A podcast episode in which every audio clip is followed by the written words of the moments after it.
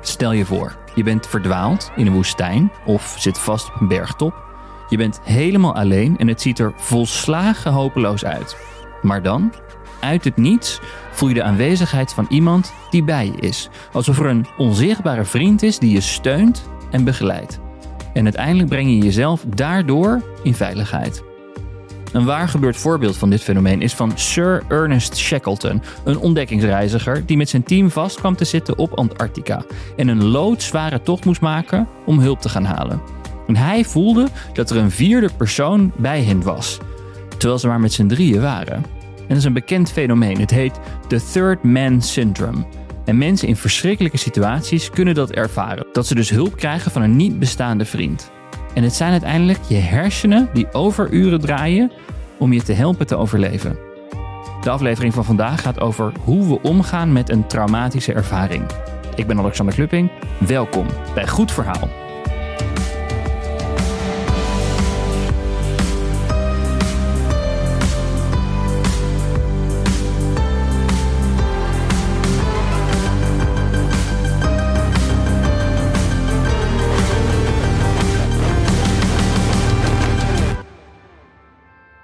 In Goed Verhaal kiezen we elke week de beste verhalen voor je uit en geven we ruim baan aan talentvolle makers. En er staan al tientallen afleveringen van deze podcast voor je klaar. En wil je die bingen? Dan kan dat via Podimo. Ga daarvoor naar podimo.nl slash goedverhaal en dan kun je de eerste 30 dagen gelijk gratis luisteren. Ik begin met een trigger warning. Deze aflevering gaat over seksueel misbruik en wordt onder andere expliciet over aanranding gesproken. De afgelopen jaren heeft het slachtoffer een grotere rol gekregen in onze samenleving. Zo hebben slachtoffers in strafzaken spreekrecht in de rechtszaal. En er lijkt ook veel meer bereidheid te zijn om naar slachtoffers te luisteren in bijvoorbeeld MeToo-schandalen of ander grensoverschrijdend gedrag. En soms lijkt het alsof we de laatste jaren collectief hebben besloten dat slachtoffers een stem verdienen. Ik vind dat een opvallend fenomeen en daarom zijn we deze week op zoek gegaan naar zo'n verhaal van iemand die iets naars heeft meegemaakt en vervolgens besluit om daar iets mee te doen. Je gaat zo luisteren naar schrijfster en filosofiedocent Petra Madelon de Graaf. En zij groeide op in Spakenburg, een klein vissersdorp, waar ze op haar vijftiende iets heel vervelends meemaakt. Met een man uit het dorp.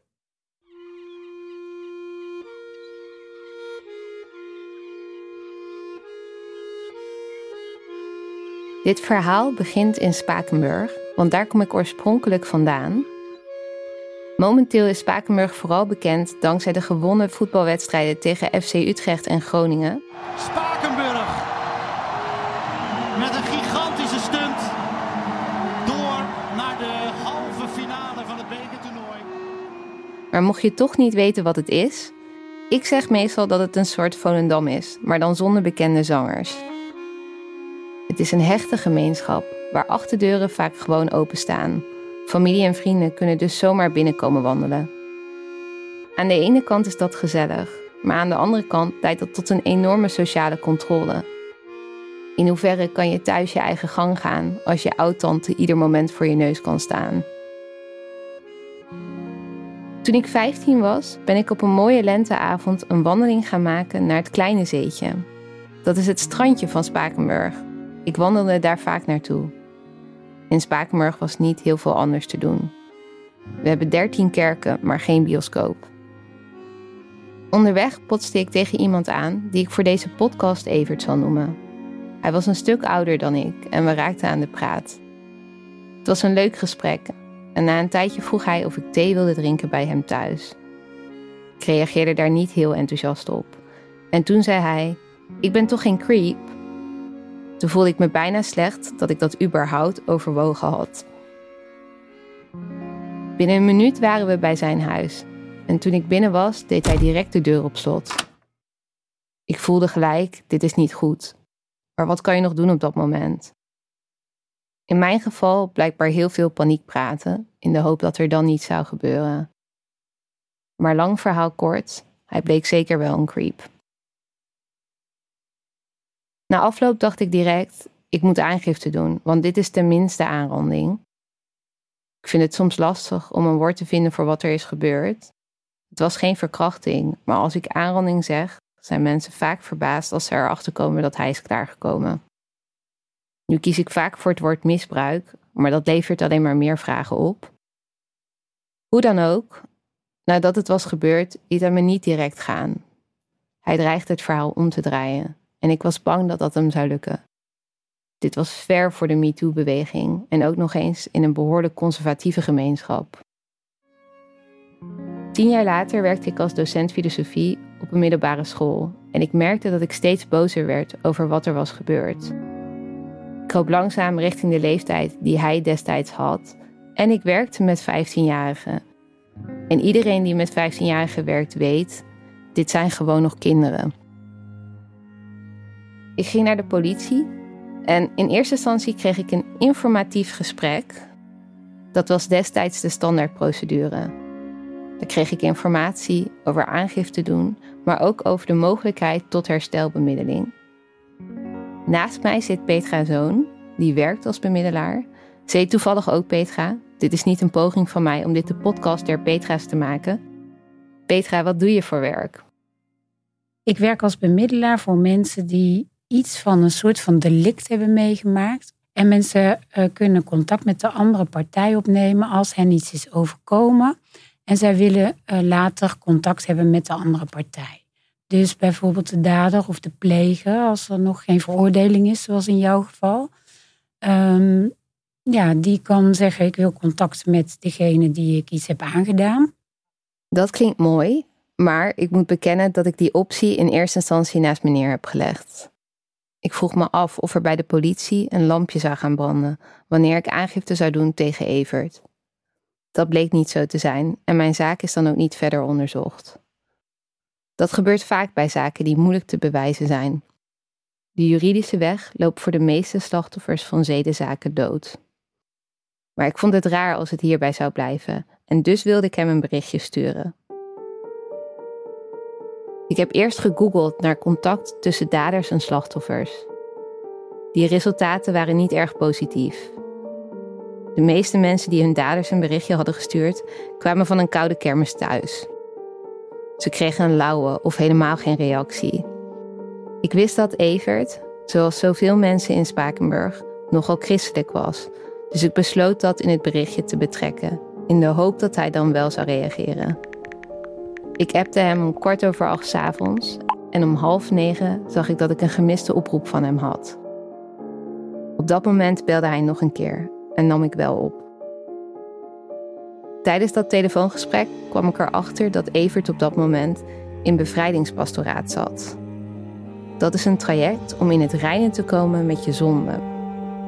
Hij dacht dan ook dat ik door God gestuurd was. Dat geloof ik zelf niet, maar ik voelde op dat moment bijzonder weinig aandrang om hem dat te vertellen.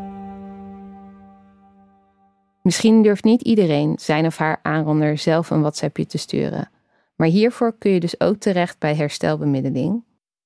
Zowel daders als slachtoffers kunnen een verzoek doen, ook zonder aangifte of veroordeling. Het is gratis en er zijn verschillende soorten bemiddeling. Je kan met elkaar in gesprek gaan, maar het is ook mogelijk om brieven te sturen. Petra, ik weet dat niet alle daders en slachtoffers openstaan voor dit type contact. Is dat niet heel frustrerend, met name voor slachtoffers? Ja, als het slachtoffer initiatief neemt en de dader die wijst uh, bijvoorbeeld een gesprek af of contact af, dan kan het wel zo zijn dat het slachtoffer heel erg denkt van ik heb het in ieder geval geprobeerd en daarmee wel weer heel erg in de eigen kracht komt te staan. Je hebt iets van controle genomen. Ja, precies. Want daar gaat het heel vaak om. En je bent op dat moment dat het gebeurt controle kwijtgeraakt. Ja, en later kun je hem weer terugnemen. En ook al wijst iemand het dan af, je hebt toch het gevoel voor jezelf. Ik heb het in ieder geval geprobeerd en ik heb het wel gedaan. Dus ja. heel erg in je kracht zetten. En andersom, als eh, de dader het initiatief neemt, gebeurt het ook wel eens dat de slachtoffer zegt nee, maar heel blij is. Ja, want dan heb je ook de controle. Dan heb je de controle weer terug. Dus heb je helemaal niet het contact gehad, maar je hebt wel iets gedaan wat voor jouw eigen welzijn krachtig is. Ja. Dus dan, dan kan zo'n verzoek alleen al helpen zonder dat er überhaupt gepraat wordt. Ja. Jij bent als bemiddelaar neutraal. Je komt dus niet op voor de belangen van een van de twee partijen. Is dat niet lastig als de dader echt iets vreselijks heeft gedaan? Nou, lastig zou ik niet willen zeggen, maar het is soms wel eens. ehm, ik weet nog dat ik voor de allereerste keer een bemiddeling ging doen met een pedoseksueel die op de scoutingclub of soort gelijk iets kinderen had misbruikt. En dat ik wel echt even goed moest nadenken voor mezelf van, hé, hey, hoe ga ik dat doen? Want dat vind ik best wel lastig. Ehm, maar ook daar denk ik dat het mijn rol is om mijn professionaliteit te onderscheiden van wat Ja. ik menselijk vind. En het is ook oké dat ik als mens vind dat het niet gehoord is om zoiets te doen. Het is niet Ja. voor niets bij wet verboden en het is ook niet voor niets strafbaar. Dus ik mag daar ook best iets van vinden. Maar daar gaat het niet over, want Ja, ik zit niet op de stoel van de rechter en ook niet op de stoel van de politie. Dus ik doe geen onderzoek naar waarheidsvinding. Ik ga echt kijken wat zijn nou de wensen en de behoeften ten aanzien van herstel. En hoe kan ik daar dan een weg in vinden met deze mensen?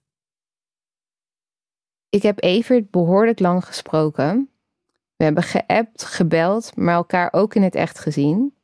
Zo hebben we bijvoorbeeld afgesproken in een café. En dat is een van de raarste afspraken die ik ooit in mijn leven heb gehad. Dat begon al vooraf. Want wat trek je in hemelsnaam aan naar een afspraak met je eigen aanrander? Ik heb nog nooit zo lang voor de kast gestaan, want ik wilde niet overkomen als een zielig vogeltje, maar ik wilde ook niet mijn best doen voor hem. Evert is trouwens een beetje een macho-type. Hij gelooft echt dat mannen nou eenmaal jagers zijn. Maar toen we tegenover elkaar in het café zaten, begon hij te huilen. Daar schrok ik van, want door dat tussen haakjes stoere gedrag had ik dat niet verwacht. Dat was heel gek om te zien, want door wat er was gebeurd was hij in mijn hoofd best wel een monster geworden. Maar toen ik hem daar zo betraand zag zitten, werd hij voor mij weer een mens. Als ik dat tegen andere mensen vertel, denken ze vaak dat dat iets heel positiefs zegt over mijn karakter. Dat vind ik lief, maar ik heb het idee dat dat bij dit soort gesprekken vaker voorkomt. Herken jij dat, Petra? Mhm, Ja, zeker herken ik dat wel. En eh, ik denk dat dat ook heel erg te maken heeft met waar zit je zelf in je proces. Eh, want misschien als jij eh, twintig jaar geleden dat gesprek had gedaan, Ja, of ja, tien jaar geleden. tien jaar geleden, Ja. ja, eh, dan, dan had je daar misschien ook anders naar gekeken of nog ingezeten. Dus dat heeft ook heel erg te maken natuurlijk met jouw eigen proces. Wat heb je zelf gedaan aan jouw eigen herstel? En ehm, het heeft ook te maken met ja, hoe zitten mensen in elkaar? Wat, hebben ze, wat, wat kunnen ze daarin voor zichzelf en misschien ook voor de ander betekenen? Maar eigenlijk wat ik heel vaak hoor is, eh, als mensen iemand anders vergeven, dan doen ze dat vaak ook voor zichzelf. Want jij Ja. wil zelf ook verder met je leven. En je wil niet in wrok of in ja, haatgevoelens of eh, negatieve gevoelens blijven zitten. En als je daaraan voorbij kunt komen, niet iedereen kan dat. eh, maar als je daaraan voorbij kunt komen, dan is dit wel wat ik vaak hoor van mensen. Ja, dat ze eh, ook weer de mens zien achter een daad. Is er eigenlijk een verschil tussen gesprekken op het initiatief van de dader of van het slachtoffer? Ik zou niet zo zwart-wit willen zeggen dat het ander soort gesprekken zijn. Maar het is denk ik wel zo dat als de dader het initiatief neemt, dat de kans dat hij verantwoordelijkheid, ik zeg even hij, dat is helaas vaker zo, verantwoordelijkheid neemt voor zijn gedrag of zijn daden.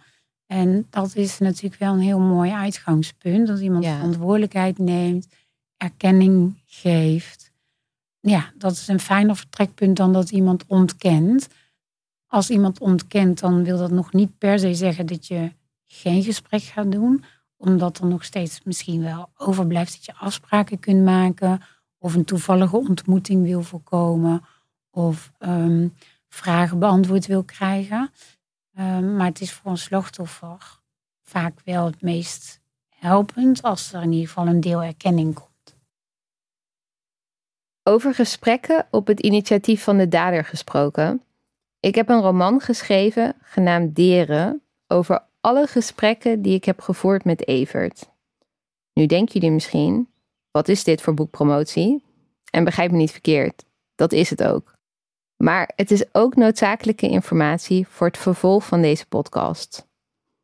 Naast mij in de studio zit Jan, dat is niet zijn echte naam, en je zult zo horen dat we zijn stem vervormd hebben. Wij kennen elkaar in de puberteit. En na het verschijnen van het boek heb jij mij een berichtje gestuurd op Facebook over een situatie ook uit onze puberteit. Ja, ja, dat klopt. Kan je me daar iets meer over vertellen? Ja, ehm, wij kenden elkaar inderdaad tijdens de puberteit. We zaten in dezelfde vriendengroep op de middelbare. Zaten wel op een andere school. Ehm, maar eh, wat we vaak deden met die vriendengroep was eh, spelletjesavonden. En dan eh, deden we bordspelletjes, maar ook videogames. Ehm, en ehm, er is toen op een van die avonden is wat voorgevallen. En eigenlijk heb ik daar toen best wel lang mee rondgelopen. en ik zat er dermate mee dat ik op een gegeven moment jou weer op heb gezocht. Want we hebben heel lang uh, geen contact gehad zoals dat gaat met mensen van de middelbare. Soms van gaat naar een andere stad. En uh, ja. En, um, maar goed, er was iets, uh, was iets voorgevallen. En ik, ik wou toch graag contact met jou opnemen daarover. Dus dat heb ik toen gedaan. Wil je ook vertellen wat er precies is voorgevallen? ja, dat wil ik wel. Um, op een van de avonden um, waren we op een gegeven moment met z'n allen Halo aan het spelen. En uh, het was een beetje donker, want het was avond en lichten waren gedimd en zo. En er waren denk ik nog twee mensen aan het spelen.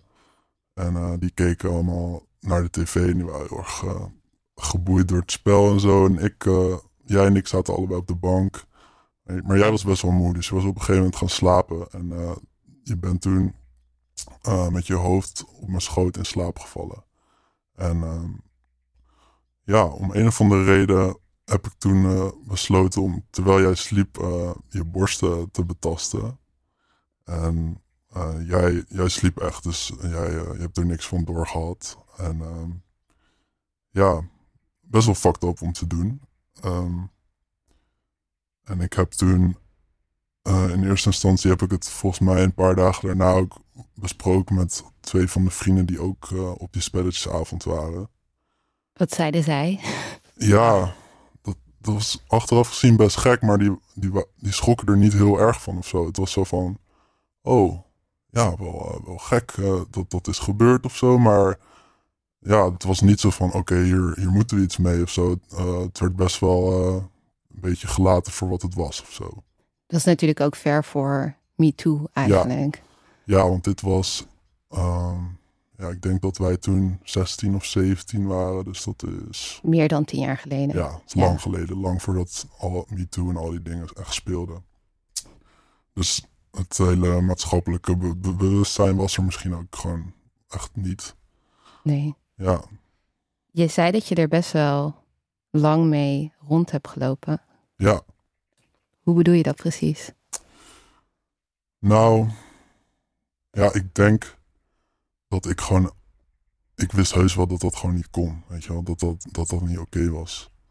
Um, en um, ja, niet om het te rechtvaardigen, maar ja, je bent, als je jong bent, dan heb je misschien gewoon iets minder een besef voor wat, wat allemaal wel en niet kan. Um, maar dan kun je op een gegeven moment toch wel realiseren van, oh ja, dat was best wel uh, fucked up om te doen en uh, niet oké. en ja, dus daar heb ik best lang mee rondgelopen. En een soort van. In de periode daarna misschien niet heel erg, maar op een gegeven moment kwam natuurlijk wel die MeToo-beweging op gang. En uh, dat heb ik toen, zoals veel mensen, gewoon best wel gevolgd. En was het ook heel erg eens met die hele beweging. Ik vond het belangrijk dat het gebeurde. Maar eigenlijk altijd, als ik er dan iets over hoorde, dan had ik toch een beetje een gevoel van, ja, ik voel me eigenlijk heel hypocriet. Want een soort van ik schaar meer achter en ik vind dat dit goed is dat het gebeurt. En een soort van, je moet aansprakelijk zijn voor uh, fouten die je, die je begaat. Maar tegelijkertijd dacht ik altijd van, ja, hoe kan ik hier iets over zeggen als ik zelf dat toen heb gedaan? Ik, was, ik kon het gewoon niet vergeten, zeg maar. Ik kon niet echt... Ja, maar dat is dan eigenlijk, dan zal je er toch best veel aan gedacht hebben. Want ja. MeToo is er nu vijf jaar, als ik het goed heb. Mm Ehm, er is heel erg veel over in de media geweest. Dus als je dan al die keren bij elkaar optelt, dat je misschien toch denkt, oei, dat gaat misschien ook wel over mij. Dat is best een hoge prijs om te betalen voor, nou ja, een minuut aan iemands borst te zitten. ja, zeker. Ja, nee, ik, dat lijkt mij zelf niet, eh, niet heel prettig in ieder Nee, geval. dat is- niet helemaal waard. nee, je zou het niet, eh, niet aan- aanraden in ieder geval. nee, zeker niet. Nee. Heb je trouwens enig idee, want je, zeg maar, je zei dat je, nou ja, eigenlijk een beetje in dat moment heb je ervoor gekozen om dan, ja, gekozen is misschien een groot woord, om een borsten dan te betasten. Maar Ja. heb je enig idee wat er toen door je heen ging? ja, ik weet nog wel zo van, ik was natuurlijk wel opgewonden, een soort van, ja, ik weet nog dat soort van, ik kon je inkijk zien en toen was ik van, je bent gewoon een soort, op die leeftijd gewoon één grote hormonenpool die aan het Ja. rondlopen is. Dus een soort van, ja, je zei het ook al, van, het is niet echt een beslissing, het is meer een soort van urge Ja, die dan echt de overhand neemt. En, eh, maar Ja. ik wist ook wel, ik weet ook nog wel dat ik vo- voelde volgens mij van, oef, dit is eigenlijk echt niet oké. Maar het was echt een soort van echt met die, met, ja, met die soort drang of zo. ja, en ik denk dus ook dat als, zeg maar, jij meer na MeToo, zeg maar, was opgegroeid, dan had misschien, zeg maar, want je had dus nu al een botsing tussen hormonen en misschien toch gewoon een idee, dit is niet goed. Ja. Maar stel je had dus vaker gehoord al, dit is echt niet goed, Mhm. dan had misschien dat meer de overhand genomen over die hormonen eigenlijk. Ja, ja, en dat is natuurlijk een soort van, in, in bredere termen spreekt, is dat ergens ook een soort van hoe we functioneren als maatschappij. Want je hebt gewoon driften als mens die niet per se gezond zijn of eh, productief of fijn Ja. naar anderen toe. Maar je leert ermee omgaan en dat, dat is denk ik ook volwassen worden. Dat je leert Ja. inzien zo van, oké, dit, dit gevoel of die, die drang die is er nu. Maar dat betekent niet dat je erop hoeft te acteren, liever niet zelfs. Ja, Zo van als ik elke keer, bijvoorbeeld als ik in het verkeer eh, agressief word van iemand en ik daar iets mee zou doen. ja. Allemaal vechtpartijen, Ja, kapotte auto's. ja. Ja, nee, maar nee, ik kan me voorstellen dat dan... eh, was je trouwens niet bang, terwijl ik, ik daar lag, dat iemand anders het zou zien? ja, ja, jawel. Maar ja, dat is wel echt fucked up om toe te geven. Maar dat is dan misschien ook ergens de, de aantrekking De ervan. trail, ja. Ja. Ja, maar, ja dat, is, maar dat is natuurlijk, dat zie je ook in andere seksdingen. Dat, dat Ja. hoeft niet slecht te zijn als je het allebei wil. Oh, dat, dat is wel een vrij essentieel ding, ja. Ja. ja. Heb jij eigenlijk destijds overwogen om het toen al aan mij te vertellen? Of dat niet? Nee, gek genoeg, eh, gek genoeg nooit. Maar misschien was het toen ook zo soort weggestopt onder schaamte. En misschien ook door de reactie of gebrek aan reactie van vrienden. wat- Dat ik toch zoiets had van, oh, nou, nou misschien eh, kan, je, kan je dat doen. En dan Ja. eh, dat, er, dat je er niks eh, over hoeft te zeggen. Of dat je niet ter verantwoording geroepen hoeft te worden of zo. Ja, als zij misschien direct hadden gezegd van dat kan je niet maken. Ja. Je, moet nu, je moet hier nu iets mee. Dan had je misschien ook wel anders gehandeld. Ja, dat denk ik wel. Ja. Laat ook wel weer zien hoe de cultuur dan eigenlijk ook een rol speelt in eh, ja, hoe we omgaan met eh, overschrijdend gedrag. Maar je hebt nu natuurlijk wel contact met me opgenomen. ja. Waar hoopte je op? Ja, waar hoopte ik op? Nou, als ik heel eerlijk ben, was het ook wel gewoon om van het schuldgevoel af te komen. Want ik, ja, ik voelde me er gewoon heel schuldig over. En, ehm, dus ik wilde ergens ook wel in het reinen komen met mezelf, denk ik. En dat gewoon af kunnen sluiten. Maar ik had ook wel gewoon elke keer als ik dan iets over MeToo zag of daar, ik, ik, ik weet nog dat het soort van doorslaggevende moment was toen ik een eh, film zag over het hele Harvey Weinstein verhaal. Ja, Ehm, en toen merkte ik ook wel zo van, het is gewoon zo belangrijk dat je erkent eh, dat zoiets fout is. Ook Ja. voor de, zeker voor het slachtoffer. vind je het eigenlijk spannend nu om met mij te praten? Ja, spannender dan ik had gedacht. Maar het is ook een soort van, ik ben ook wel typisch zijn dat ik dan zo vol overgave ergens instort. En dan als het zover is, pas bedenk van, oh ja, dit is echt wat we gaan doen. We, Ja. gaan hier echt het over hebben. Ehm, ja, ik vond, ik, vond, ik vond het wel spannend, maar ehm, we hebben ook natuurlijk al voorgesprekken erover gehad en zo. Maar het is toch wel anders als je gewoon tegenover elkaar zit en zo bent van, ja, dat, dat is gebeurd. En eh, we hebben het er nu over. Komt Maar- ook omdat ik heel eng ben. ja, ongelooflijk. dat mag wel even gezegd worden. Nee, dat misschien niet. Maar ik, ik vind wel, het zijn altijd wel spannende uh, Ja. gesprekken om te voeren. Ik vind het wel zelf altijd interessant, omdat uh, bij seksueel overschrijdend gedrag, dat is natuurlijk altijd iets waar uh, nou ja, het slachtoffer op een bepaalde manier een beetje machteloos eigenlijk is. In mijn geval, bij jou was ik letterlijk aan het slapen. Ja. Um, terwijl dit is in die zin ook best wel spannend, want nou ja, ik heb eigenlijk ook best wel macht. Ik kan jou nu allemaal vragen stellen, waaronder ook ongemakkelijke vragen als ik dat wil. Ja. Dus dat is eigenlijk dan juist best wel een leuke omkering. Ja. ja ik, ik, vind dat zelf heel interessant. Van hoe kan je die slachtofferrol een beetje oprekken? Ja, zeker. En dat gebeurt wel in dit, in dit type contact eigenlijk. Ja, ja en dat, dat is denk ik ook het mooie aan een soort van die dialoog aangaan. Dat ja, als je gewoon zegt van het is een monster en ik wil die persoon nooit meer zien. Ik bedoel, dat je, dat je goed recht natuurlijk en het is heel begrijpelijk. Maar ja, het is wel mooi om te zien dat het, soort, geeft jou iets van agency terug. En gewoon ja, iets van beschikking. En ja, een soort van, wederom sta ik weer meer stil bij een soort van, dat, dat is gebeurd. En een soort van, ja, dat, mag, dat mag, moet ook een soort van ongemakkelijk voelen. Want het is gewoon... Ja, het zou, het zou raar zijn als het alleen maar makkelijk zou zijn. Ja. ja. ja.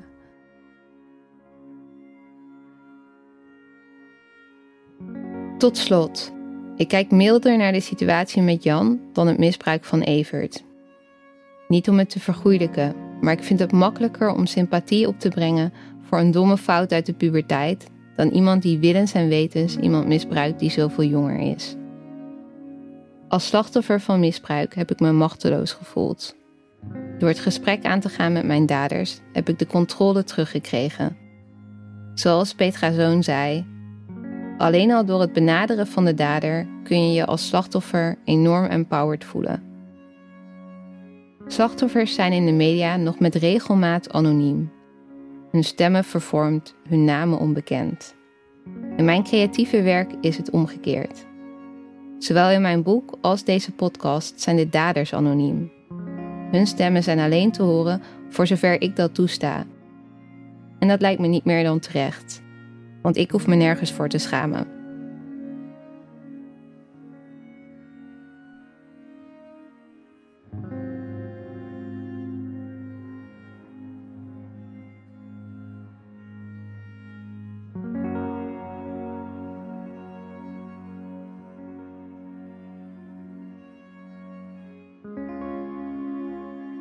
Deze aflevering van Goed Verhaal werd gemaakt door Petra Madelon de Graaf. Ze schreef een boek over haar gesprekken met Evert, Deren. Dat betekent meisje in het Spakenburgs. Mocht je na het luisteren van deze aflevering behoefte hebben aan herstelbemiddeling, dan kun je contact opnemen met Perspectief Herstelbemiddeling. En Petra Madelon wil graag Petra Zoon van Perspectief Herstelbemiddeling bedanken. En ook dank aan Jan voor zijn openhartigheid. De montage is gedaan door Thomas Bosveld. De eindmix was in handen van Jeroen Sturing en de eindredactie, zoals altijd, van Charit Alles. Dit was de laatste aflevering van seizoen 2 van Goed Verhaal. Dankjewel voor het luisteren en tot de volgende keer.